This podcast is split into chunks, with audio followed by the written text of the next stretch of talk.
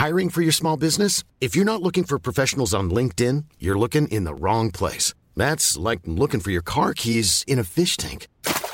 LinkedIn helps you hire professionals you can't find anywhere else, even those who aren't actively searching for a new job but might be open to the perfect role. In a given month, over 70% of LinkedIn users don't even visit other leading job sites. So start looking in the right place. With LinkedIn, you can hire professionals like a professional. Post your free job on linkedin.com slash people today. A lot can happen in the next three years. Like a chatbot may be your new best friend. But what won't change? Needing health insurance. United Healthcare Tri Term Medical Plans are available for these changing times.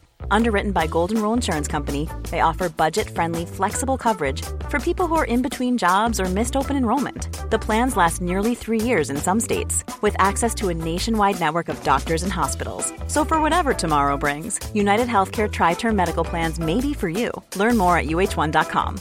Everyone knows therapy is great for solving problems, but getting therapy has its own problems too, like finding the right therapist, fitting into their schedule, and of course, the cost. Well, BetterHelp can solve those problems. It's totally online and built around your schedule. It's surprisingly affordable too. Connect with a credentialed therapist by phone, video, or online chat, all from the comfort of your home. Visit betterhelp.com to learn more and save 10% on your first month. That's BetterHelp H E L P.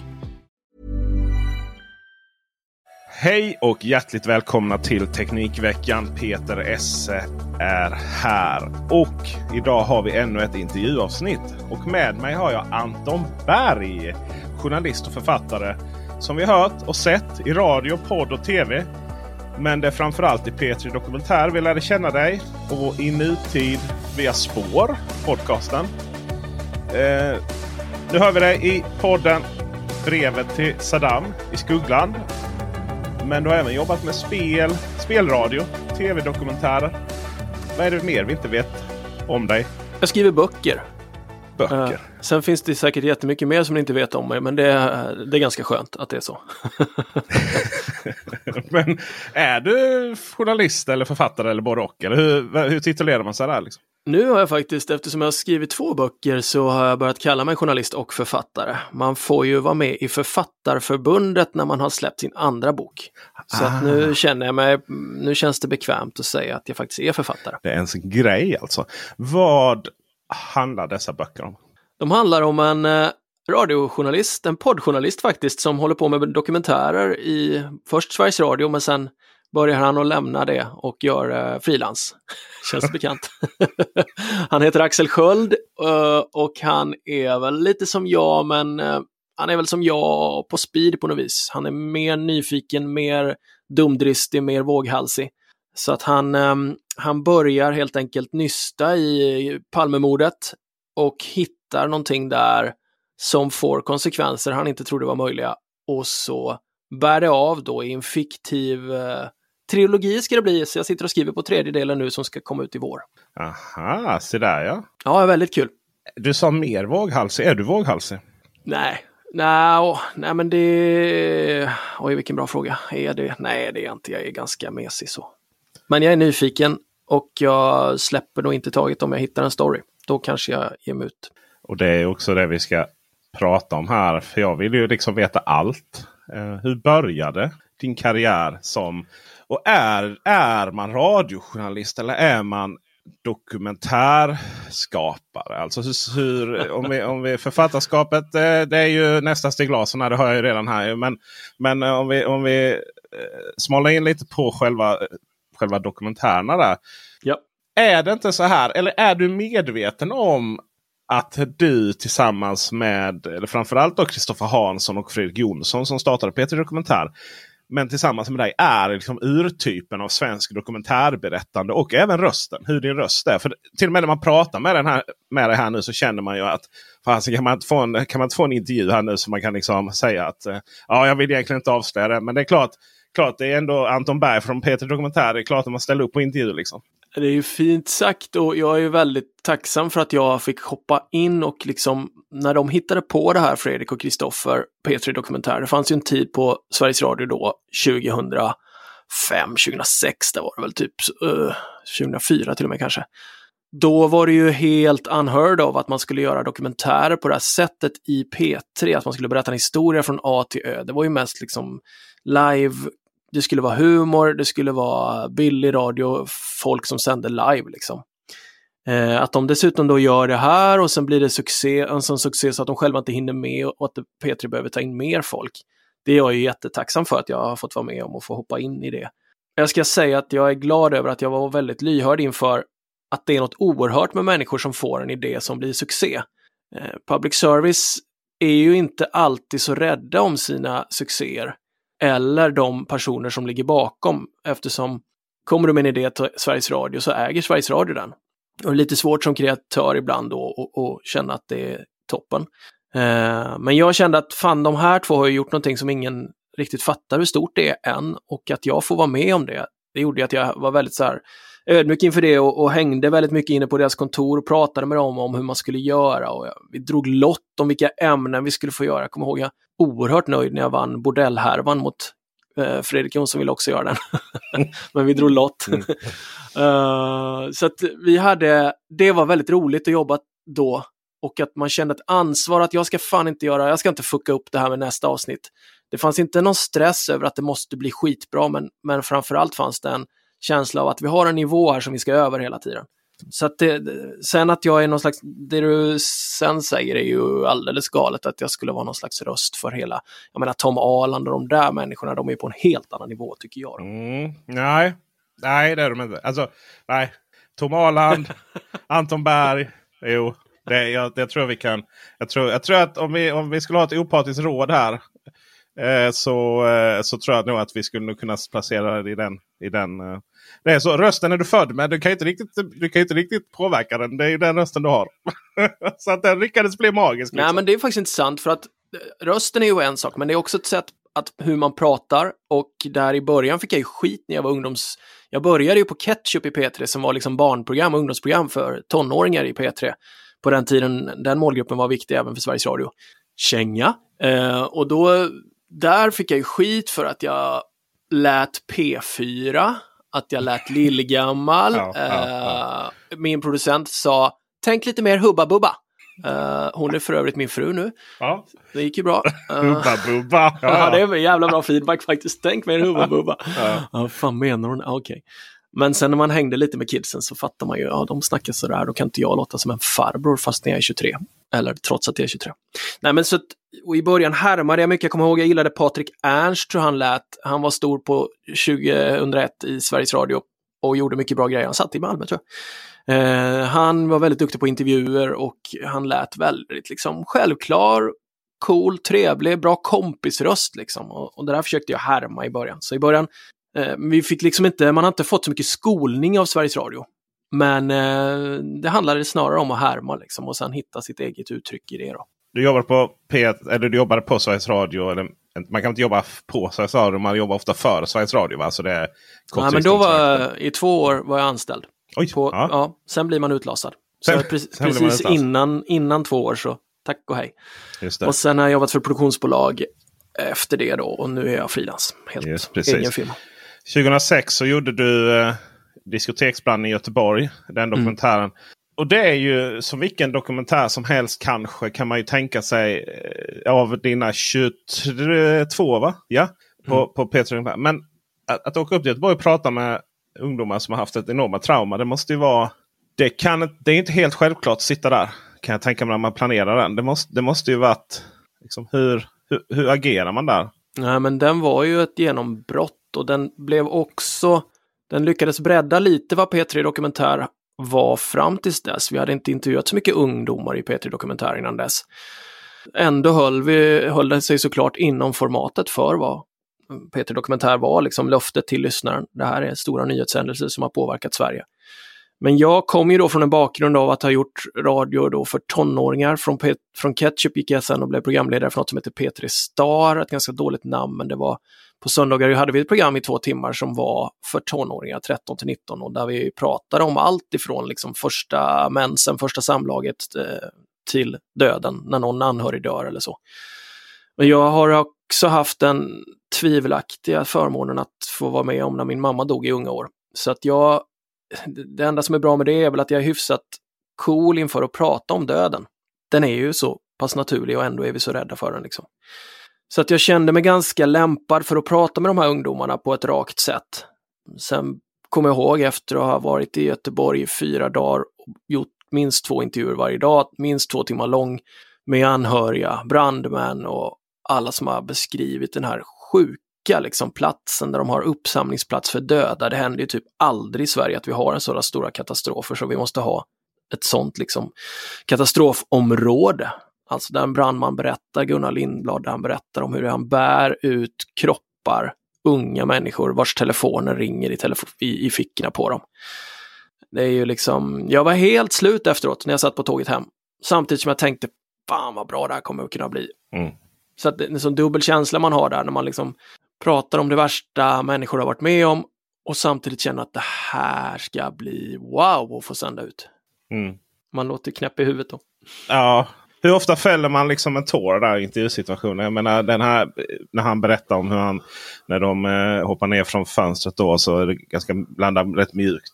Ja, de kryper på varandra. Och så. Nej, det är klart att jag, jag gråter sällan och det är nog en brist egentligen. Men, men i intervjusituationen så är jag glad att jag inte håller på med det. För att det hjälper ingen. Jag är inte där för att sörja med människor. Jag är inte där för att vara en psykolog eller stöd. Jag är där som journalist och då är jag där för att få dem att berätta den här historien på bästa sätt det, det liksom, den dealen brukar vi också klara av innan, att jag förklarar min roll som journalist. Och ibland när man träffar människor som mår riktigt dåligt så kan jag också efteråt säga att ja, det här är egentligen inte min business, men jag märker att du inte riktigt är helt hundra. Du kanske ska gå eller gör du redan det att du går till psykolog eller sådär. Mm. Så långt brukar jag tillåta mig att liksom bry mig eller lägga mig i snarare människors känsloliv men, men, det är viktigt att hålla reda på sina roller där så att man inte ger sken av eller ger en falsk förhoppning till personen man intervjuar att man är där som någon slags... Sen är det klart att jag är människa, jag är inte helt jävla stoneface, men det är viktigt att de inser att nu pratar de med en journalist, inte med en psykolog. För jag har inte den utbildningen, jag kan inte hjälpa dem på det sättet. Just det. Er podd, eh, din och... Eller, det var, eller var det bara Martin eh, Jonssons podd om eh, styckmordet där? Det kostade. Ja. Sen, senaste säsongen av Spår. Det var senaste Spår. Ja, jag ser ja. så mycket dokumentärer i huvudet nu. Som eh, jag gillar ju det här hur han, alltså han klipper ju in det här när han förklarar för vad syftet är. Ja. Eh, och just hur rak han är och säga att jag är inte här för din skull. Det är mm. ändå liksom jag tänkte oj, ja nej, men så är det ju. Eh, just där han intervjuar den ena av dem då. Att det här är större än, än själva intervjuobjektet. Så att säga. Man är inte där för, för just, just han. Vi säger alltid det där och vi försöker nästan alltid ha det på band. Inte minst när man intervjuar brottslingar eller dömda eh, personer som har gjort någonting. För att de, eh, ja men som Kaj Linna till exempel, att det här, vi kommer, vi kommer granska ditt fall säger vi. Och mm. eh, vi, är gärna, vi är gärna intresserade av att höra din story. Men vi kommer, finns det skit på dig så gräver vi fram det. Och finns det bra saker för dig kommer vi också berätta det. Och han var så här, mm. inga problem, ni kommer inte hitta någon skit. Men det gjorde vi inte. Men vi, vi säger alltid det där till folk för att en del människor har lite svårare för att förstå det. Tror att vi är på deras sida och sådär. Och det är viktigt att, man, att de förstår det. Sen är det inte alltid vi sänder ut grejen. Men eh, ibland är det viktigt att tala om det för lyssnarna också så de fattar liksom, vad var egentligen premissen för det här samtalet eller den här intervjun. Det första var så roligt, för första jag lärde mig på medieprogrammet i Växjö då, från en gammal, en gammal dokumentärfilmare också som var lärare. Det var så här, den här myten om opartiskhet. Eh, man är inte opartisk. Man är liksom partisk mot sanningen och även liksom i, i, i makt, makten så är man, man granskar alltid makten och är ju eh, man, man, man tar liksom automatiskt lite den, den man ska inte säga den svaga, men den med mindre makt i försvar och sådär. Det måste vara enormt många som skickar brev till er där efter spår och hoppas att ni ska vara deras som personliga detektiv och lösa deras fall och sådär. Men det är det ju faktiskt. Eh, vi får ju mejl ofta och vi får brev, inte minst från människor som sitter inne och som vill att vi ska göra en Kajlinna med dem. Och väldigt många av dem kan man ju ganska fort avfärda. Vi måste ju granska dem då först. Liksom. Är det här värt ett fall? Är det, är det tillräckligt intressant? Kan det vara så att det sitter en oskyldigt dömd? Ja, men då är det ju oftast intressant. Men allra oftast så är det ju så att de sitter bra där de sitter. Liksom. Det kan vara intressant att göra ett fall ändå och berätta om det eller en säsong, men, men inte så ofta. Innan Kajlina så det var ju första säsongen av Spår. Eh, mm. En, ny, en, ny, då, en ny podd med er. Eh, där ni helt enkelt gick ifrån Sveriges Radio då, eh, till spår. Men det var ganska, det var ganska... Var det direkt? För det, det känns som att det är något glapp på några år där efter att man slutade höra i Peter Dokumentär. Eller var det direkt efter? Ja, det är samma. 2015 gör jag min 22 Peter Dokumentär om Kvick-ärendet.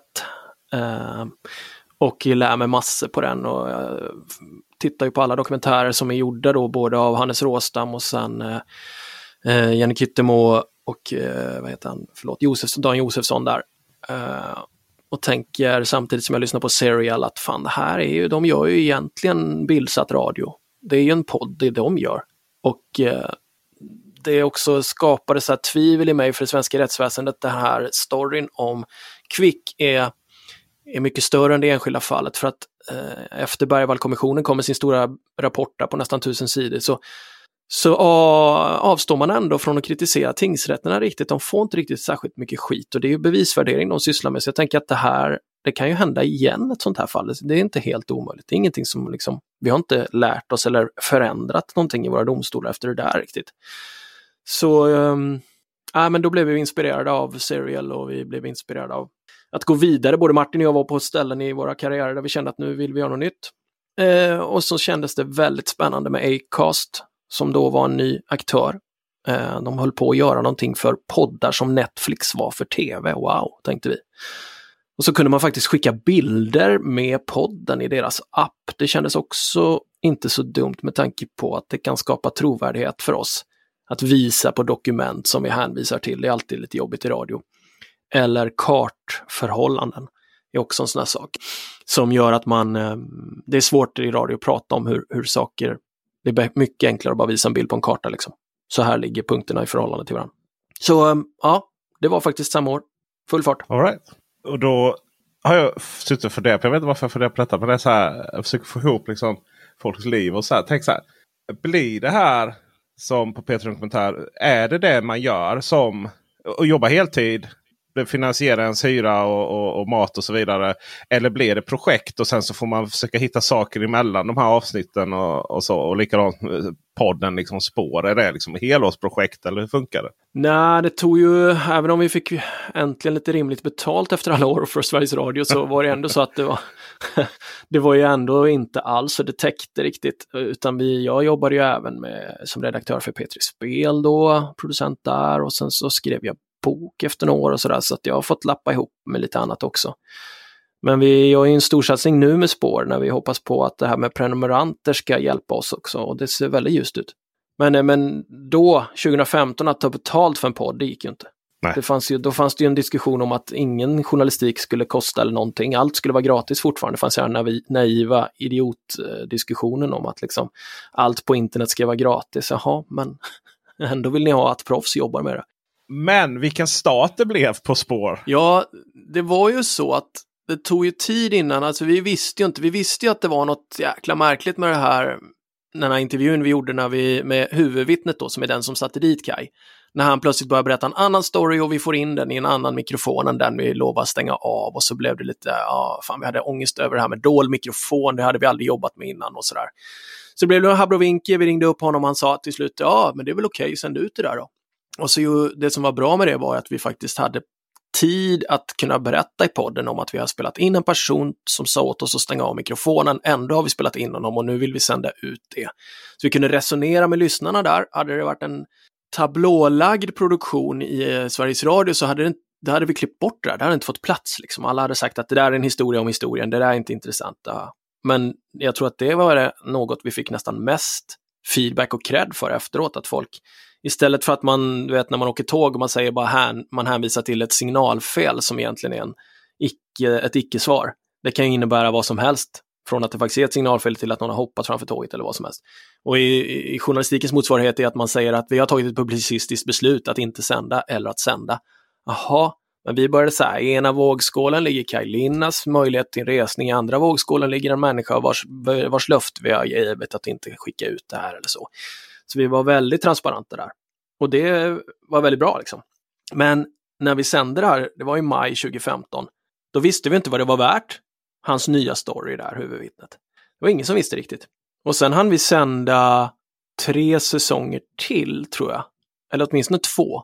Sen plötsligt kommer beskedet att Högsta domstolen ger Kaj Linna resning. Och delvis på grund av det vi har hittat då. Så att då, då började det rulla på ordentligt. Och det var ju baserat på den, direkt baserat på den informationen som ni hade samt äh, Stefan Lisinski på Dagens. Nyheter. Man märker ju lite där sen att i, i, kommande poddar att det, det finns en sån underliggande mål att göra om det. Tycker du det? ja, bland annat så ställer ju Martin ställer ju frågan där till eh, i Rinkebyfallet där om hur de ser på liksom en, en, en resning. Och då, då säger han själv nej jag orkar inte. Typ. Mm. Jag har liksom ingen, ingen förhoppning alltså alls. Då. Mm. Och, och sen i, eh, i fallet med eh, han som är, är, dömd för att ha haft ihjäl en mamma i brand, brandkärrsmordet. Mm. Eh, där lämnar man in en ny resning och mm. sen får den avslag. Liksom. Just det. Det, det, det, är ofta, jag tror att många, alltså vi som lyssnar är väl lite så, och det blir också så för vi som lyssnar, är så här, men det här är uppenbart. Alltså för man märker ju liksom, särskilt i brandtjänstmordet så, så blir det ju så blir det ju så baserat på er podd blir det uppenbart då för oss som lyssnar att det här har inte gått rätt till. Är det så uppenbart det finns ju rätt många sådana här händelser där man, man tittar på fyra, tre, ja, Palmemordet är en sån här klassisk grej. Man tittar på tre, fyra olika eh, dokumentärer. Sen är man helt säker på att det var just Sydafrikaspåret. Nej, det var just det spåret. Liksom. Eh, nu senast gjorde Martin Jonsson om just Sydafrikaspåret. Och det var så här, ja det är den pistolen, det gick inte rätt. Ja, det måste vara den. Liksom, och så där. Alltså, hur, hur, hur stort ansvar har man? Eller det är en felaktig fråga, för det är klart man har ett jättestort ansvar. Men hur hanterar man det ansvaret att faktiskt känna att det vi jobbar med, där, där tror vi ändå att vi är liksom på rätt, rätt. För även om man inte tar ställning tar man ju ställning genom att löpa ett visst spår menar jag. Ha, spår. Ja, alltså vilka fall vi tar upp är det ju väldigt viktigt så här. Uh, och varför vi tar upp dem. Uh, de, de frågorna brottas vi med, ska jag säga, dagligen. Och vi inser också att varje gång Spår sänder en ny säsong så kan det inte vara Alltså statistiskt så sitter det ju människor som är oskyldigt dömda i fängelse. Det är ju egentligen inget konstigt, men det är fortfarande väldigt kontroversiellt att säga det. Trots eh, Carl-Gunnar Axbergs rapport som kom 2006 där han som JK slog fast att det stämde. Eller ja, han var sakkunnig för JK, men eh, Lambert som då var JK hade skrivit under den här rapporten också. Det var ju ett ramaskri när den kom 2006 liksom, och, och um, hette oskyldigt dömda och kom från JK. Liksom. Men det är ju så. Det är bara att inse liksom, varför skulle Sverige vara fri från något problem som alla andra länder har? Inget rättssystem är ofelbart.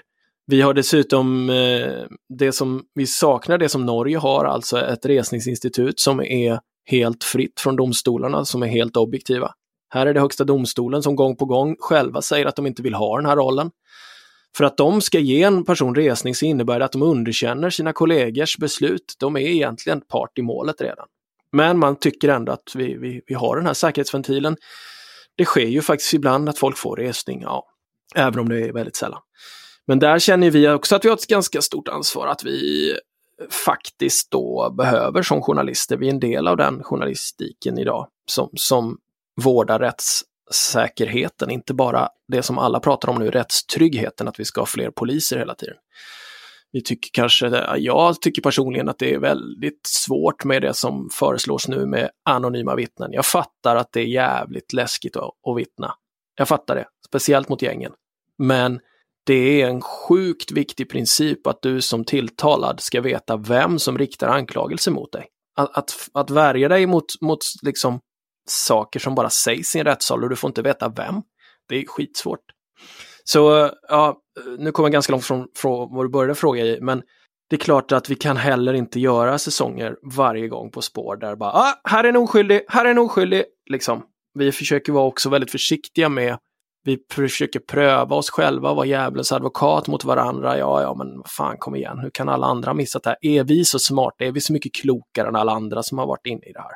Uh, så det där är skitviktigt, det som du säger. Uh, varje säsong, jag menar Fontainebleau var en säsong där vi absolut inte var inne på om någon var oskyldig.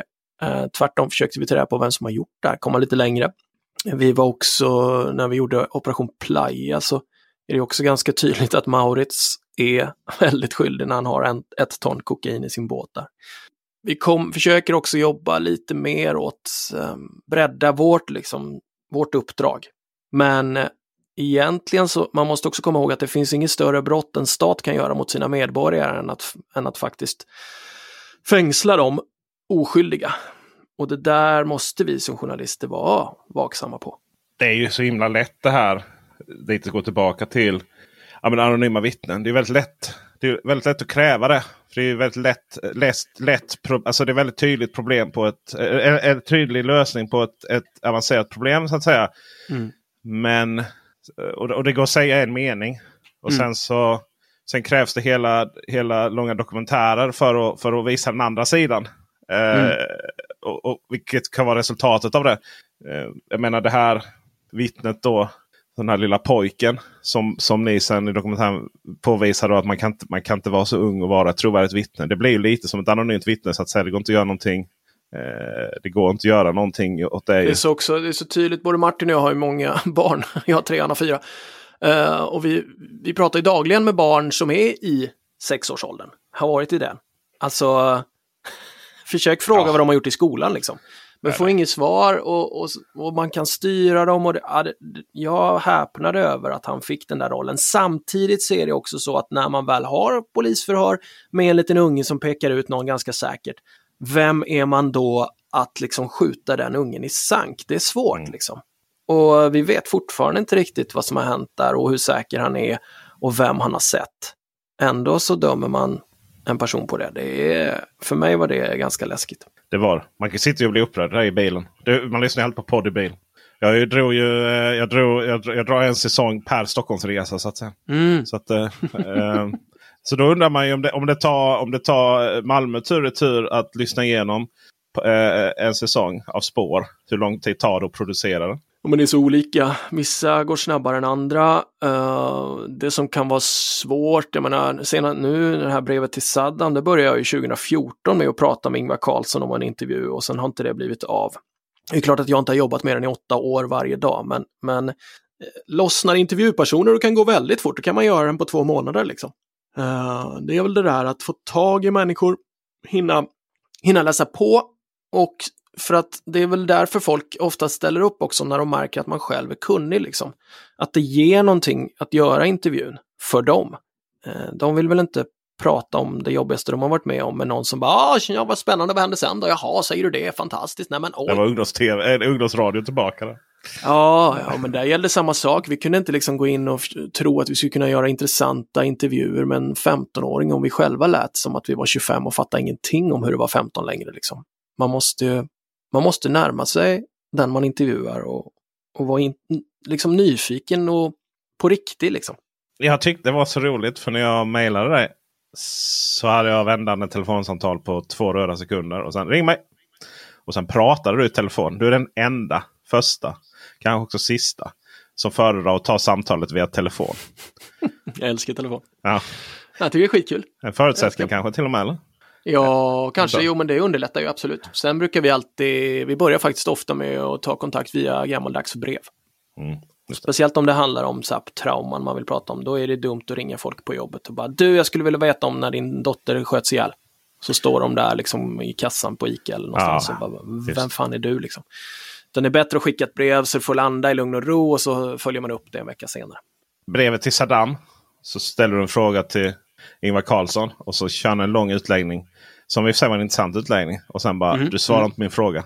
Det är ändå ganska, det är ändå ganska, ja. Vi har ju inga, vi har inga hierarkier i, i Sverige så att säga. Men, men det, är, det är ändå ganska rak fråga till en före detta statsminister som någonstans. Eh, är du så i vardagen? Ica där. Nu har du inte blippat mina varor. Hur, hur, är man? Alltså, har du olika roller där? Eller, alltså, för jag måste finnas någon sån En annan vill ju bara vara till lag. Så jag skulle vara så otroligt dålig, dålig dokumentärfilmare. Ah, men shit, jag var och köpte en lampa igår. Så kom jag hem och så visade det sig att jag fick fan bara skärmen. Gick tillbaka då och sen bara, men vad fan, på den här bilden stod det att jag skulle få hela lampan. Nu har jag inte fått, nu har jag ju fått en jävla fiskskål här liksom. Och de bara, ja, och så, var, ja, så började de jiddra fram och tillbaka och så skulle jag behöva betala för liksom själva ja, men det som är lampan egentligen. Där du skruvar i glödlampan och där knappen finns och sladden finns. Då skulle jag betala lika mycket för det liksom. Just det. Ja, så bara, jag var sur på det, köpte skiten, gick därifrån och sen tänkte jag, äh fan heller, så gick och lämnade tillbaka. Så att, ja, det där finns i mig alltså, att har det inte gått rätt till så blir jag sur liksom. Eh, sen kanske man inte behöver dra det så man gör så osams med alla här i Huddinge. Men, eh, nej men det var, med Ingvar var det svårt tycker jag, för att han, som journalist så jag blir tokig för, när jag ser andra journalister som liksom krusar sig inför makten, för det är inte vår roll. Sen ska man inte alltid heller sätta dit alla till varje pris. Men i det här fallet så, jag skulle göra en intervju med Ingvar om en ganska kontroversiellt brev ändå. Då kan jag inte liksom sitta där och vara beundrande och vara till lags. Eh, det var också så när han, gången var att jag mejlade honom, sen tog det två dagar, så ringde det från okänt nummer och sen sa jag, ja det är Ingvar. Och varje gång jag hörde den rösten var det nästan så jag ville ställa mig upp i vakt liksom för att ja. det finns någon respekt i hans röst från min barndom som sitter kvar där. Jag ser honom ändå som en av de där stora statsministrarna från, från ja, tid tillbaka i tiden. Alltså klipp till dagens eh, debatter i tv i riksdagen eller liksom valdebatter om man blir tokig och så fick man sitta ner i två timmar med Ingvar. Det var ju en ynnest liksom jag fick hela tiden påminna mig själv om att jag ska inte sitta här och bara spela in och gå med på allt han säger. så det där är också en markering lika mycket till lyssnaren att jag sitter faktiskt inte bara här och tar in. det finns ju en anledning till att jag har klippt med det. Liksom. Ah, just det. Ja, precis. Inga slump. Så, eh, jag hade det... ju kunnat klippa direkt till det svaret ja. och skita i den första utläggningen. Om jag nu hade tyckt att bara svaret var viktigt. Mm. Men vägen dit var faktiskt lite viktig också. Ja, just för, för andra svar. Äh, du är skicklig. Alltså jag, jag, jag är här och nu sätter mig i vakt. För andra svaret är ju inte jättebra om man inte har fått första svaret. För där, där ser man en viss dynamikskillnad. För att inget av svaren är ju ett direkt svar. Men tillsammans så förstår man liksom att han, han, han behöver ju berätta. Han behöver ju någonstans berätta. det är mer storytelling. Men kontentan är ju att ah, men jag är rätt chill. Mm, eller hur? Ja. Men, och det är det som är fint med poddar också. Man låter faktiskt hade det varit eh, ett kortare format så hade man klippt rakt på sista och då hade han ju låtit jävligt stöddig.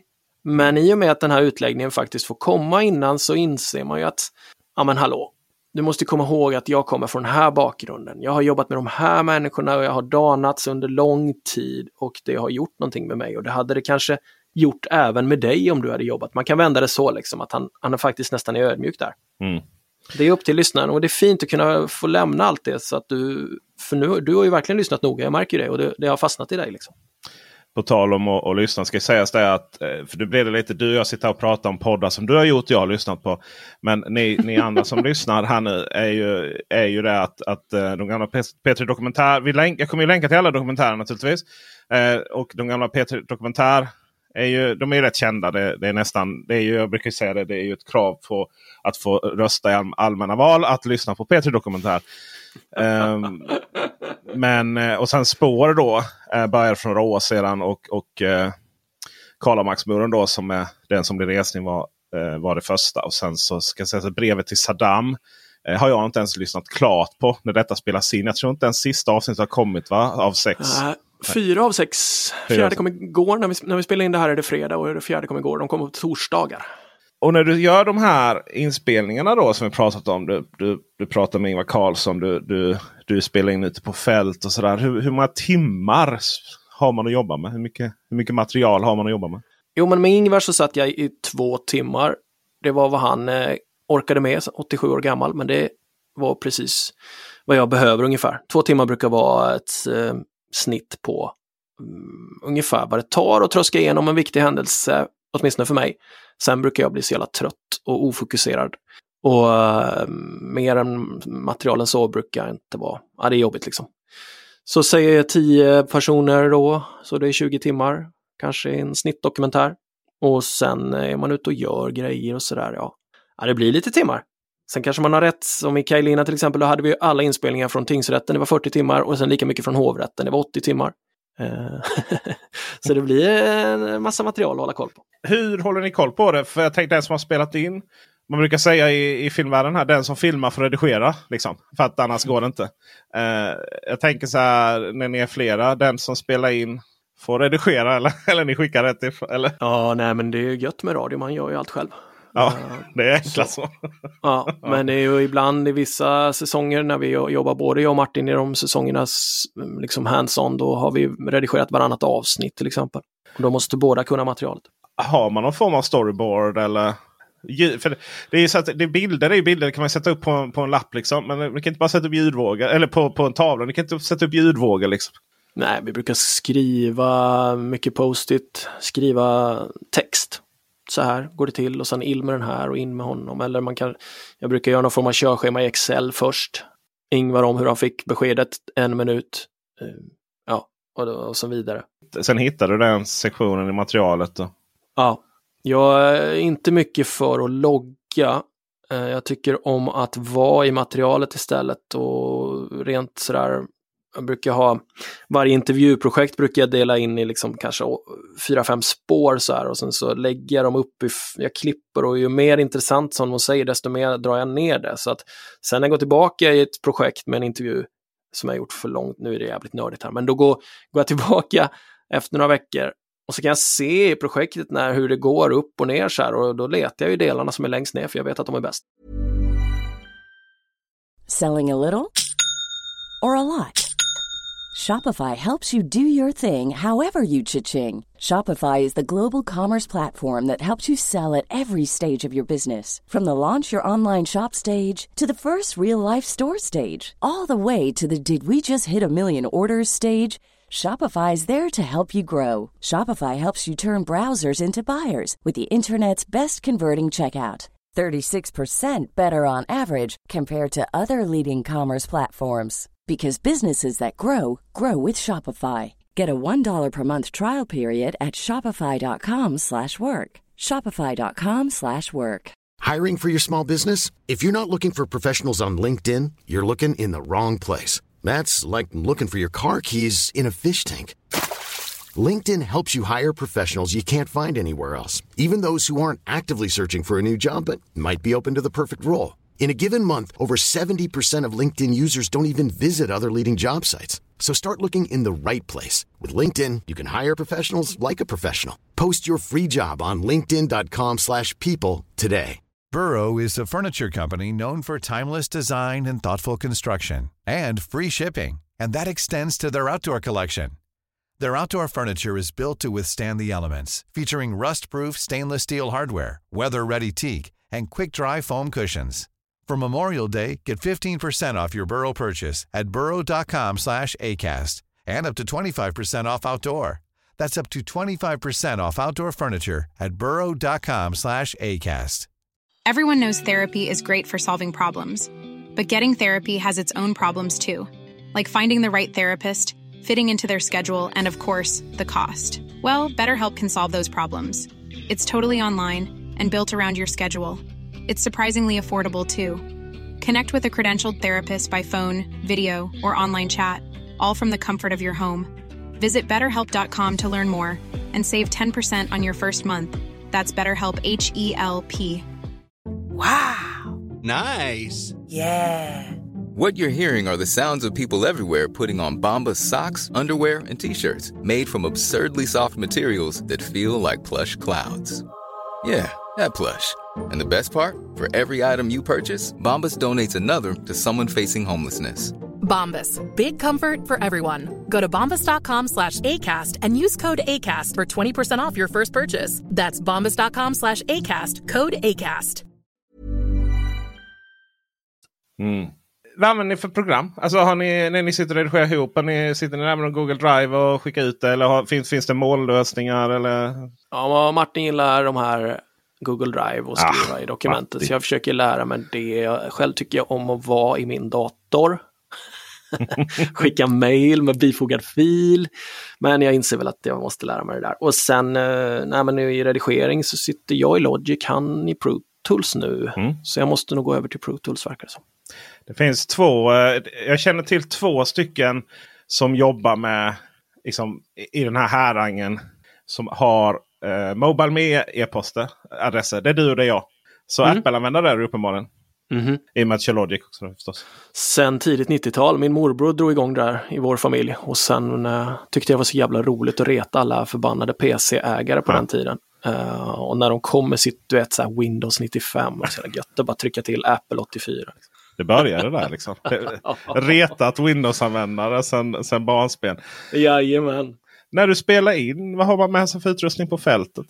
Uh, jag har en, uh, har jag en liten bandspelare, heter det väl inte längre egentligen, flashcardspelare. Mm.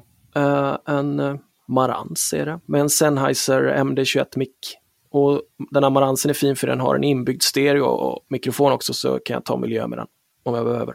Men jag var inne och kollade nu, jag, jag köpte faktiskt en Zoom här nu i, som reserv. Jag ska på en resa till Portugal och då vill jag ha med mig två. Och den har ju fyra ingångar, det verkar fint. Och en jävla snygg färgdisplay också. Ah, mm. Men Maransen har jag kört på sedan 2006 kanske. Har du intervjuat saker som sen har försvunnit? Mm. För att du har glömt trycka eller? Alltså det mest jobbiga var ju på den tiden vi körde Ketchup Sport. 2003 kanske det var. Och då hade vi någonting som hette DAT-bandspelare som fanns en kort period när man spelade in på små, små miniband. Ja. Och då, ehm, då intervjuade jag en ny Anders Svensson i svenska fotbollslandslaget. Måste varit 2001. Ah, ah, ah. Han var nybliven proffs i. Southampton och grejer. Uh, och så intervjuade jag honom i en kvart. Då det var på den tiden man faktiskt fick sitta one-on-one med typ vilken spelare som helst i svenska landslaget. Så min kollega intervjuade Henke Larsson i en kvart. Och Mats Olsson kom fram och sa, du är det din kompis som sitter där borta? Ja. Hur, hur har han pratat så länge med Henke Larsson? Ingen sitter så länge med Henke. Nej, då har de pratat om NHL 94 eller vad fan det hette Ja, och, och, och vilken spelare Henke helst var och det visade sig vara Foppa när han spelade NHL. Det var jävla kul att göra ungdomsprogram för då tyckte alla det var roligt att prata med oss som slapp prata om senaste matchen. Ja, just det. Det, här, ja, det är alltid samma svar på alla matcher. Det är så här, Ja, ja. vi, vi var inte där. Vi, ja, ja, nej. Nej, men precis. Så, nej, men då satt jag med Anders Svensson och sen så hade jag kommit på att eh, jag var ung och tyckte att det inte var så coolt att ha radiohörlurar på sig. Så jag hängde dem lite fräckt runt halsen istället och nacken. Uh, intervjuade honom, så var det jobbigt att sitta och hålla fram micken så jag satte ner armbågen och visade sig att jag satt ner armbågen mitt i intervjun på pausknappen så jag kom hem med en halv intervju. Mm. Jävligt störigt. Men det som var så bra var att nästa dag hade vi tid med alla spelarna igen så då gick jag fram till Anders och fortsatte, gjorde om intervjun utan att säga någonting till honom, låtsas som ingenting. Och han svarade så snällt så. Ja. Det finns ju på band. eh, på band. Det finns ju virtuellt som eh, du Ah, nej. eh, har gjort eller med ibland ihop med Victor Lejonhufvud som även har varit med i denna podden. Och ni, ni gjorde ju liksom P3 Spel och Ja, sådär. det var så bra. Det var så bra Ja. intervju och sen, Mm. Va, vad hände sen då? bara sket sig. Nej, jag vet faktiskt än idag inte vad som hände. Jag tror att vi försökte spara den i molnet samtidigt som vi spelade in intervjun. Mm. Jag tror att den var inställd på att sparas i någon jävla moln. Och så gjorde den inte det. Och så hade vi spelat in en och en halv timme eller något och så bara, var är det? Nej, det finns Mm. Nej. inte. Skräck. Ja. Ja, inom, inom filmvärlden kan vi, kan vi jättelätt hamna i sån här eh, eh, fel loop med av och på. Så att, eh, eller jag, gjorde, Mm, jag det. hamnade i det och att jag var jätteunik och så liksom lite ledsen då. Och så bara pratade med min filmmentor bara, äh, händer hela tiden. Det är bara att göra om. Mm, det är helt sjukt ja. Vi, vi fick vara ljudtekniker i ett fängelse när vi skulle intervjua första gången vi skulle intervjua Helge Fossmo. Då, och då fick vi inte vara så många dit, så jag och Martin fick liksom sköta ljudet också. Och vi tänkte att det är inga problem, det brukar vi göra. Men den jävla inspelningsutrustningen var helt störd på det sättet. Man satt och var livrädd att man istället hade tryckt paus istället för rec. Hur mycket kan man rädda? För det, det finns ju dessutom med Fontainebleau-podden, eller den, eh, den Mm. eh, serien, det, den säsongen. Så eh, kretsar det väldigt mycket runt en inspelning. Man har buggat Just det. telefonerna. Och det är liksom överlappande samtal och så vidare. Man hör ju inte riktigt vad man säger. Men, men, men det, går ju, det används ju som bevismaterial för att man är skyldiga. Och Mm. ni skickar det till någon WizKid som... Han löser ju inte uppdraget fullt ut. Nej, det är fortfarande debatable kan man säga vad som sägs i samtalet. Men det blir ju tydligare. Och det där på film så är det alltid så här, kan du tvätta det här ljudet? Och så är FBI bara Mm. klick, klick, klick och så, så hör man plötsligt glasklart vad som sägs. På samma sätt som uh, enhance, enhance, enhance och så blir bilder från satelliter Just det, clarified! Okej. ja, ja, Ja, ja. Så att, eh, och det där är ju uppenbart hittepå. Uh, ljudtekniker som vi jobbar med, som ja, jag vågar säga är bland de bästa i Sverige eftersom jag jobbar åt Sveriges Radio då, de, eh, de säger oftast i kör, skit in blir skit ut. Alltså förvänta er inte mirakel från vårt håll. Spelar ni in dåliga intervjuer så kommer det låta dåligt. Nej, sägs Så, ljudvågorna ja. är ju inte separerade. Det är ju det som är största problemet ju, naturligtvis. Det är, det är konstigt hur, det är likadant på tv-serier där liksom att alla lyckas spela in med så här 20-kanals ljud liksom. Men i, i själva verket så även, även, även liksom vanliga stereospelare så har du ju bara två kanaler med överlappande ljudvågor. Så. Men eh, man måste ju ändå säga att det är ju jättestor skillnad på professionellt producerade, hur era röster låter och, och, och sådär. Och, och, våra, vi spelar in podd här eh, min, från, från min källare och sådär. Hur, hur mycket resurser lägger man på uh, slutproduktionen för att få det här sista professionella? Ja, men vi har ju alltid en ljudtekniker som går igenom och mixar allting. Jag lägger ju allting, jag klipper allting, lägger det som jag ska och, och så är det notes till tekniken hur jag vill göra vissa, ja, men vissa låtar. Kan vi gå ur den här på något konstigt sätt? Kan vi, slow, kan vi köra slowmo här eller sådär? Och sen brukar vi sitta ihop och göra det där pillet. Men han går ju igenom och filtrerar allting, varenda spår för sig och sådär. Utan det så, nej. Ja, har man jobbat för Sveriges Radio då jobbade man ju så, åtminstone på P3. Sen var det lite mer Hejkon Bacon på P4 och, och eh, faktiskt Radiosporten. Där var de inte alltid lika noggranna med när man gjorde reportage och så. Det låter ju ändå alltid skitbra om Radiosporten, men, men att sen gå över och göra poddar och sen lägga sig på en annan nivå, det vill jag inte göra. Liksom. Jag, jag jobbar ju med det här professionellt och då har jag använt samma tekniker. Vad, du insinuerar nästan att det finns mer resurser i podderiet än på, eh, inom public service? Eller är det mer resurser till just er som, som gör det? Så att säga? För det är klart, public service har mycket pengar som helst. Men... Nej, de har, de har verkligen inte, jag vet de har verkligen inte hur mycket pengar som helst. Och man får alltid, alltså det var det som var så störigt liksom när man uh, gjorde P3 Dokumentär, att vi fick så dåligt betalt trots att vi gjorde en av de kanske viktigaste produktionerna. Mest eh, kända, mest, den som verkligen är public service, P3 Dokumentär, det är att liksom uh, utbilda kidsen idag om historiska händelser tack vare public service eget arkivmaterial. Liksom. Göra journalistik och det funkar för en ung målgrupp. Det var liksom så här, wow! Det är det de åker omkring och skryter med i Europa när de har sina stora konvent och USA. Liksom. Ändå så fick vi sämre betalt än praktikanterna på sommar eller på liksom, Studio 1. Eh, till slut så fick jag nog av det där. Men det var inte som att man så här, ja här är guld och gröna skogar i poddvärlden. Det beror ju alldeles på vilka sponsorer man kan landa och plötsligt så börjar de här alla pratpoddarna göra så mycket galen reklam så att då förväntas en sponsor att spår ska, ska vi ska sitta och liksom hylla If ungefär som Alex och Sigge kan göra i sin podd. Det går inte heller, det går inte att förena med grävande journalistik riktigt. Så att eh, nej, men det, det beror på liksom. Vi, vi kämpar ju för att få ekonomi i det här. Och vi, vi är väldigt glada att vi har just nu då prenumeranter som, som vill stödja oss, för vi märker att det finns en väldigt stor liksom, kärlek till spår och det vi gör. Ja, det gör det ju. Men vad är spår? Vad är Third Ear Studio? Vad är Skuggland? Vad är... För att just nu så... För jag, alltså så var det. Jag satt och skulle köra till... Vad skulle jag? Det var väl Stockholm antar jag. Nej det var det inte. Men det var, nej, det var hälf, halva dit. Och det var då jag bara yes! Yes! Nu kommer ju det här nya avsnittet då. Som jag har sett fram emot. Eh, brevet till Saddam. Och, men det var, jag hade svårt att hitta det i mm. Apple Podcaster. Eh, för det var lite så här, men okej, okay, men vilken produktion är det? För att jag prenumererar ju naturligtvis på för er studio 47 kronor eller om det är 43 kronor i månaden. Och, och då få tillgång till ett gäng olika poddar. Men vad, vad är det för nätverk? Ja, men jag vet, vi måste bli bättre på att berätta om oss själva där. Um, jag är ju frilansande så jag är inte riktigt anställd där, men um, jag blev väldigt glad över, alltså det sitter så jäkla bra människor och, och jobbar där. Jag skulle säga att det är Sveriges bästa dokumentärmakare som, som jobbar där just nu. Love Lysaridis till exempel som är nu, eh, han är nominerad som, eh, till Prix Europa som är det mest förnämsta radiopriset som finns för eh, sin säsong om Eckerösvindlaren.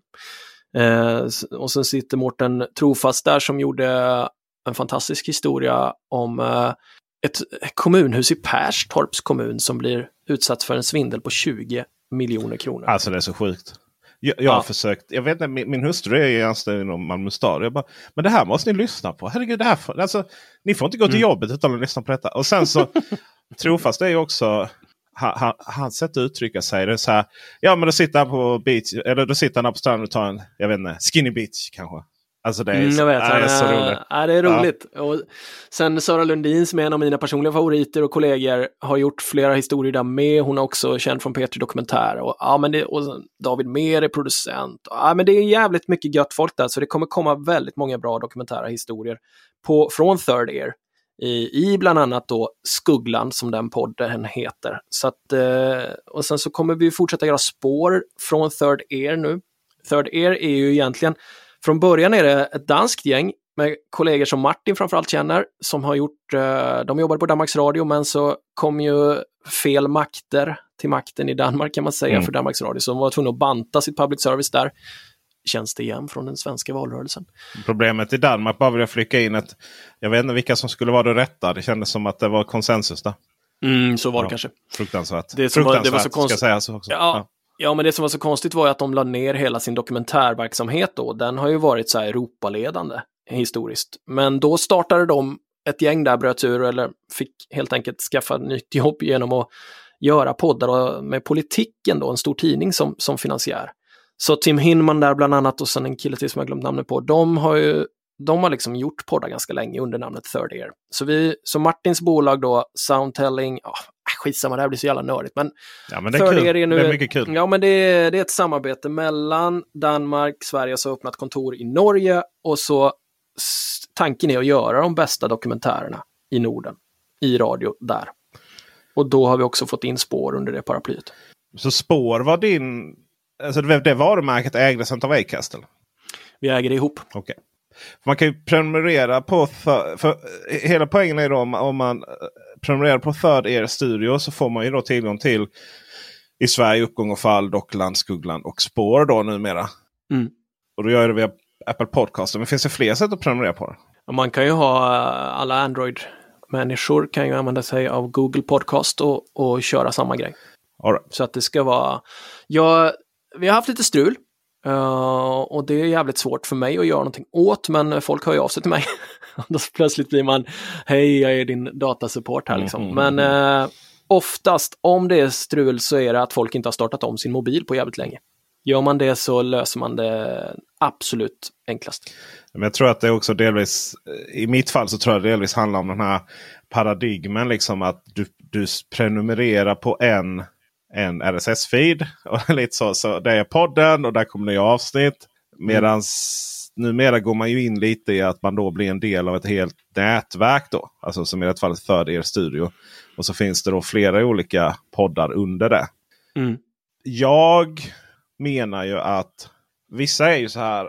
Så är jag ju med film också. Eh, Alltså man, man prenumererar på, eh, inte Netflix nödvändigtvis för det är ju dyrt som smör. Men jag har en serie på Apple TV Plus som jag gillar. Är Foundation. Och den kommer ju 6, 7, 8 avsnitt eh, förhoppningsvis en gång per år. Men jag betalar ju fortfarande över hela året. För att de här 500 spänn eller 59 gånger 12. eh, Det blir nog lite mer än så. Det är ju inga pengar alls för att ta del av den här episka historien. Och så ser jag ju det lite som även på i det här fallet för er studio. Att för vissa är så okay, nu, nu har jag liksom klart det här brevet till Saddam. Nu kan jag sluta betala så lag, till, till, till Anton och släppa någonting nytt. Liksom. Men jag menar det är ju, det är ju, det, det är ju jättelite pengar för att någonstans få, få dels får det här innehållet. Men också att man faktiskt direkt är en del av att finansiera det som då ja, public service missar i detta fallet. då helt enkelt. Uh, och det är ju en, det är ju ett privilegium att få vara med och finansiera den granskande makten får man nästan säga. Ja, det är fantastiskt att du uttrycker det så. För att vi var väldigt nervösa just för den biten. Alltså att det, en prenumeration egentligen lämpar sig väldigt bra för en podd som kommer ut varje vecka.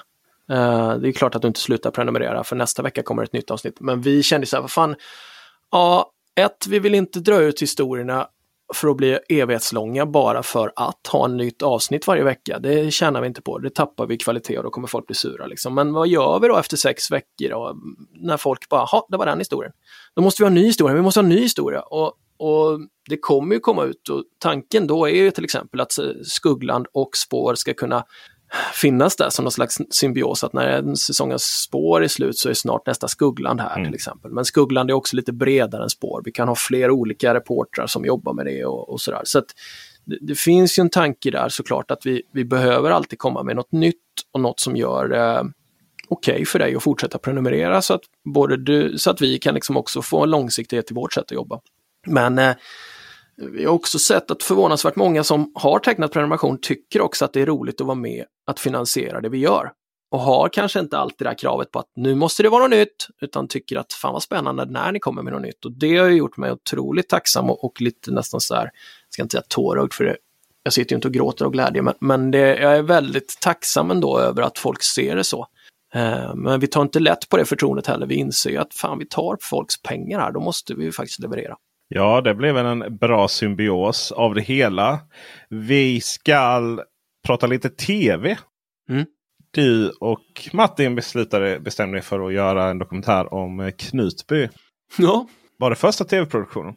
Ja, den längsta också. Första, första längsta och var det sista eller blev, fick, blev det mer smak? Ja, det är ju frågan. Blev det Ja, men jag tycker väl sådär att formatet avgörs från vad du har för eh, innehåll. Vi insåg ganska fort i den här processen att vi kommer att få, om vi får loss den här rekonstruktionen som vi anser är jävligt mystisk, då är det alltså någonting som har filmats. Och för att man ska förstå det måste det bli tv av det här. Eh, så vi hade inte kunnat göra Knutbygranskningen på samma sätt i radio, i podd. Och det tycker jag fortfarande är saker som ska avgöra hur du presenterar ditt material. Om du har chans att välja på att skriva, göra radio eller att göra tv. Jag, jag tror till exempel en sån sak som, trots att Stefan Lisinski och DN hade gjort ett enormt jobb med Kajlina-fallet, så en sak som, som de inte kan göra som tidning, men som vi kan göra som, som ljudmedie, det är att vi kan spela upp hur förhören med huvudvittnet som vi kallar för Nils lät. Då får man höra vad det är för en... Alltså hans trovärdighet har ju ansetts väldigt hög, men när man hör hur han svarar på frågor, när du själv kan avgöra, ja. när du lyssnar, ja. då inser man vad det här är för en gunstig junker. uh, och vissa liksom, vissa medier har vissa fördelar helt enkelt. Och här behövde det bli tv. Plus att det var ju naturligtvis väldigt svårt att säga nej när HBO är den som vill beställa plötsligt. Fan, det är samma vignett som Simpsons. Ja. Som The Wire plötsligt och sen så kommer Anton Berg, Martin Jonsson ja. där. Det, och det är ju också tråkigt nu hur, det, hur HBO håller på att monteras ner. Så. Mm, jätte, jättetrist. Förstår inte. Men hur, var det att göra tv? Jag, jag anade, för det är ju filmar ju bra så att säga. Det är inte bara drönarbilder. I vissa tv-dokumentärer har man ju tagit till drönarbilder till absurdum. Just för att du mm. måste täcka över eh, med b-rolls. Men, men här är ni, jag var med, ni är väldigt duktiga på att filma liksom nästan, eller ja, det är ju som att det är där och då ni, ni får de här liksom, in, insikterna. Men jag kan tänka mig att kameran var inte alltid med varje gång ni fick de här insikterna. Utan ni kanske fick spela in, in igen så att säga. Ja, men jag vet, det där är ju dels var det fantastiskt. Vi ville ju verkligen undvika det här drönar-VM. Uh, det har nästan blivit som en trope i sig det här med när man gör en uh, amerikansk true crime nu, att man ska flyga över vattentornet där stadens namn står. Mm. Och i Knutby finns det en motsvarighet till det, nämligen den jävla vägskylten där det står Knutby. Det gick ju inte att hitta arkivmaterial utan den skylten. Liksom. Och vi, vi kände att vi måste komma förbi det. Mm. Och då när vi kommer på att så här, fan vi kan ju göra en miniatyrvärld av den här kullen. Det är något det är sjukt över att, alltså hela tanken att Jesus ska komma tillbaka, redan där kan man ju börja fundera. Men okej, vi köper att så är det kanske då. För de här människorna var det ju verkligen så. Och när han skulle komma tillbaka, då skulle han alltså, av alla ställen på jorden så ska han komma till de här fem 90-talsvillorna i Sverige, i en kulle utanför Knutby, Uppsala. Alltså den tanken ville vi liksom att det skulle fastna hos tittaren. Vi ville också kunna vara där utan att störa människor som bor där idag, men kunna flyga över det här och liksom hålla på. Eh, vi ville också kunna gå tillbaka till hur husen såg ut då så att de också stämde med hur arkivmaterialet såg ut då. Plus att det fanns något lite arty, utan att ta på sig basken för mycket här, men någonting som kändes lite skönt och inte så otroligt macho som, som många av de här true crime-grejerna kan vara. Eh, med att ha små figurer och en modellvärld. Så att, eh, och när vi presenterade idén för HBO blev de så här, inte som väldigt många beställare brukar bli, det där låter dyrt, eh, sänk ambitionsnivån. Utan snarare, wow, det där kan vi göra i Prag om ni vill. så att, okay, man blir väldigt glad över en sån produktions... Någon äh, som hade lekt med, ja. eller önskat få bygga järnväg när de var liten liksom. Det äntligen ja, sker. Det var liksom, det var verkligen, eh, pengar var inte ett problem för HBO. Och det var ju att som journalist få jobba under de premisserna någon gång i livet, det var ju, man var ju helt fascinerad alltså. Men det du pratar om egentligen är ju när vi filmar oss själva, när vi har små eh, dialoger, mm. jag och Martin. I spår så till exempel eh, bandar vi jävligt mycket, alla våra samtal som vi gör bandas och så kan man använda dem. Eh, och så kan du få höra hur det lät när jag pratade med den där åklagaren eller med den där tjuven eller vem det nu är. I här så håller vi på att jobba väldigt länge, eh, långt över ett och ett halvt år. Vi kunde inte ha en kamera. Ett tag hade vi billiga GoPro-kameror som filmade allt vi gjorde hela tiden. Och sen slängdes allting om det inte var spännande. Men det såg för jävligt ut för det är så här fisheye-objektiv. Mm.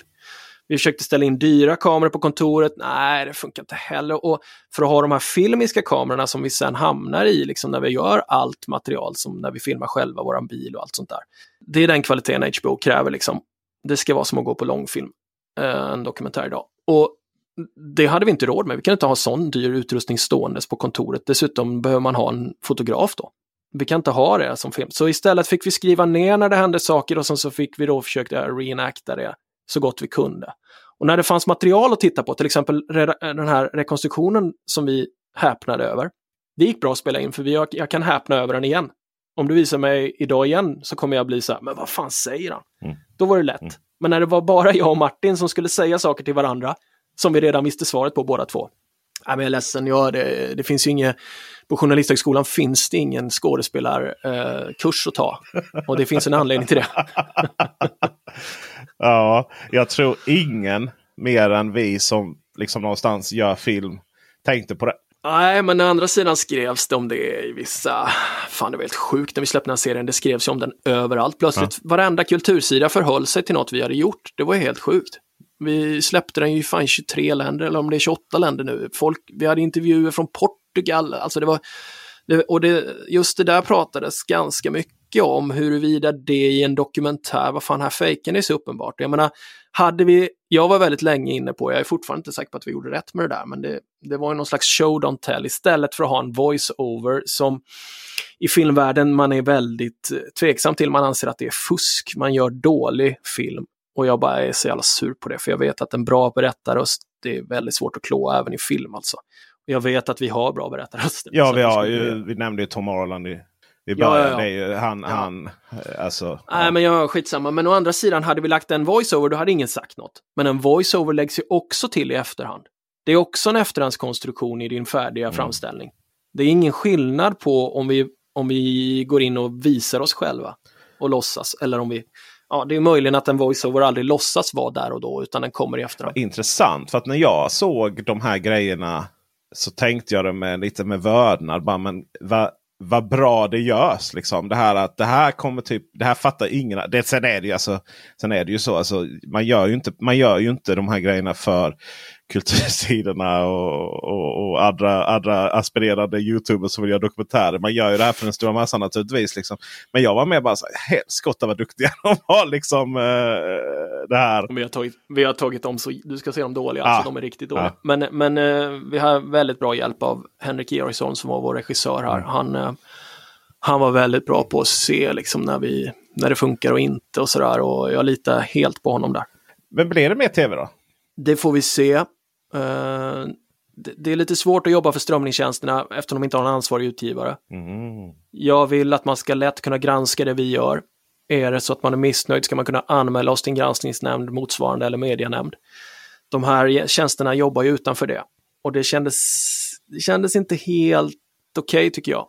Uh, nu har ju till exempel Martin tagit på sig att vara ansvarig utgivare för Third Ears grejer. Helt, helt enkelt för att han vill. Mm. Och vi har, vi har liksom anslutit oss till medieetiska systemet på eget bevåg. Eh, vi vill helt enkelt att det ska inte vara någon skillnad om du lyssnar på Spår eller på Sveriges Radio. Så att det där tycker jag att man behöver komma till rätta med det svenska medielandskapet. Därmed inte sagt att vi tog lätt på etiska frågor, tvärtom. Vi har haft sådana enorma advokatkostnader i det här projektet. Eh, så visst hade vi stor budget, men den åts också upp av konstiga grejer. Alltså advokatkostnader i förebyggande syfte så att säga, eller? Ja, man går igenom, kan vi säga så här har vi, har vi på fötterna och så vidare. Ja. Uh, ja. Twisten där, är, man, man, känner ju att man skulle vilja nästan så här, kunde vi fått ut, eller så här, Helge han är lite mystisk fortfarande. Liksom. Uh, sådär, säg inte hela, kände ni att ni fick ut den premiss ni hade gått in i? det är konstigt där. Förut kunde jag känna att när man hade gjort en P3 dokumentär fan, då var jag tillräckligt insatt för att göra en dokumentär om ämnet. Mm. då skulle jag vilja börja just liksom. Det, fan, nu har jag gjort grundjobbet, nu skulle jag och nu, och, och, den känslan när man gjorde spår sen, då kände jag att ah, men fan, nu har man ju fått komma längre hela tiden. Men är man riktigt i mål? Nej, det skulle nog vara roligt att jobba en månad till. Och det var ju samma sak med Knutby. Fan, då, I och för sig var jag så sjukt trött på alltihopa efter tre år och pandemi och hela skiten. Så att jag, jag min energi var helt slut liksom. Men eh, klart att det finns obesvarade frågor i det där fallet också. Men jag tror att vi kommer nog inte längre med de vi intervjuar än vad vi gjorde där. Framtiden för eh, dokumentärer framför allt. Ligger den i podden? Eller ligger den i, i radio, tv? Ja, absolut. Alltså, ja men det, ljud har ju varit eftersatt länge i utvecklingen där, så det är väl fortfarande därför poddar och grejer boomar och det händer grejer och det finns också i gränslandet mellan ljudböcker och, och poddar händer det grejer. Eh, vi gjorde en rolig, jag och Kristoffer Karlsson, kriminolog, författare, gjorde en rolig ljudpromenad här i Stockholm eh, och jag säger rolig fastän den handlade om Palmemordet för att den var tekniskt väldigt spännande. Den använder sig av sån här, vart du befinner dig med din telefon avgör vilken del av historien du får lyssna på. Så tanken är att man ska gå då som en soundwalk längs Sveavägen och sådär. Och så kan vi säga att nu kan du titta till höger, där ligger en korvkiosk och den är fortfarande kvar. Det är en annan korvkiosk i ramen. Eller titta nu till vänster, där springer mördaren upp. Och nu testar vi att springa själva upp för trappan. Och så. Alltså det är ett väldigt roligt sätt att ljudberätta i miljö med människor. Tänk om du satt mellan Malmö och Stockholm i din bil och vi berättar olika delar av en historia beroende på vart du är. Det är jättespännande ju. Du kan påverka den själv. Liksom. Oerhört spännande. Så att det är klart att det händer massor där. Och tv kommer ju aldrig, även om man pratar om peak TV, att det har producerats enormt mycket tv för väldigt många tjänster och folk hinner knappt titta på det, så kommer det inte, det kommer inte bli svart i rutan nästa år. Säg att det kommer göras lite mindre tv då framöver kanske, men det kommer att göras jävligt mycket tv och de kommer behöva göra bra grejer. Och som HBO sa, okej, okay, vi betalade massor för den här serien, för en dokumentärserie. Men det är ingenting mot vad vi betalar för en film. Och vi ser att den här dokumentära serien, den lockar lika mycket som den här senaste tv-serien eller filmen som är gjort som är fiktiv. Det är klart att de inte kommer sluta beställa dokumentärer. Vad är nästa efter brevet till Saddam? Är det hemligt? Ja, det är hemligt, men jag håller på att förbereda en resa till Portugal och Badgarstein jag ska följa ett, en, en, ett personligt öde som jag tror kommer bli intressant. Eh, uh, ja, det kommer vara någonting som jag aldrig har gjort förut. Det kommer vara, ja, jag, jag vet inte riktigt vad, vad jag står där, men det är sjukt spännande och jag ska ta med lyssnaren ut på den här resan och på jakt efter, ja, vad är det egentligen jag jagar i den där historien? Det, det kommer att vara ett sökande helt enkelt som kommer att slingra sig runt de här sex avsnitten som det blir. Så det håller jag på att förbereda just nu. Och så har vi en vi har två säsonger av spår som vi jobbar med aktivt just nu som kommer höst, tidig vinter. Båda två någon gång. Det är lite oklart när de kommer. vi känner ju flåset här nu av alla prenumeranter så det är klart att vi vill få ut dem. Men eh, i den här världen måste man också följa den juridiska processen ibland. Så att ibland är vi i, i händerna på att det ska väckas ett åtal eller sådär så att saker blir offentliga. Men vi jobbar stenhårt på att få ut fler historier. Och jag har två på mitt bord som jag är eh, väldigt ivrig att få ut. Och med det så tackar vi dig Anton Berg. Otroligt intressant att få en insikt i hur det har varit bakom kulisserna på de här dokumentärerna man lyssnat på genom åren. Dig kan vi uppenbarligen följa eh, på spår eh, via För er studio. Finns ju i, pod, i podcast, Apple Podcaster och Google. Och de olika reklamfinansierade varianterna, eh, trailers och teasers och så vidare finns ju Spotify och eh, liknande. Böcker, tv-serien och eh, det andra länkar i beskrivningen till det här avsnittet. Precis som vanligt. Och ska också sägas att även vi jobbar ju inte gratis. Eller ljudtekniker Dennis Klarin jobbar ju inte gratis. Ska klippa ihop detta. och eh, Go Dennis! Just det, Pet, public service nästa. Mycket, mycket skicklig Dennis. Och eh, det är ju via frivilliga bidrag. Via Patreon. Så Teknikveckan... Jag säger allt fel där. Patreon.com Teknikveckan. Så fortsätter ni stödja den här podden. Så jag kan göra fler intervjuer av det här slaget. På återhörande. Tack för att ni lyssnade. Hej! Hej! Hey, it's Danny Pellegrino from Everything Iconic. Ready to upgrade your style game without blowing your budget? Check out Quince. They've got all the good stuff shirts and polos, activewear, and fine leather goods, all at 50 to 80% less than other high end brands. And the best part? They're all about safe, ethical, and responsible manufacturing. Get that luxury vibe without the luxury price tag. Hit up quince.com slash upgrade for free shipping and 365 day returns on your next order. That's quince.com slash upgrade. Hi, I'm Daniel, founder of Pretty Litter. Did you know cats tend to hide symptoms of sickness and pain? I learned this the hard way after losing my cat, Gingy. So I created Pretty Litter, a health monitoring litter that helps detect early signs of illness by changing colors, saving you money and potentially your cat's life. Pretty Litter is veterinarian developed, and it's the easiest way to keep tabs on your fur baby's health right at home. Go to prettylitter.com and use code ACAST for 20% off your first order and a free cat toy. Terms and conditions apply. See site for details. When you need mealtime inspiration, it's worth shopping Kroger, where you'll find over 30,000 mouthwatering choices that excite your inner foodie. And no matter what tasty choice you make, you'll enjoy our everyday low prices, plus extra ways to save, like digital coupons worth over $600 each week. You can also save up to $1 off per gallon at the pump with fuel points. More savings and more inspiring flavors make shopping Kroger worth it every time. Kroger, fresh for everyone. Fuel restrictions apply.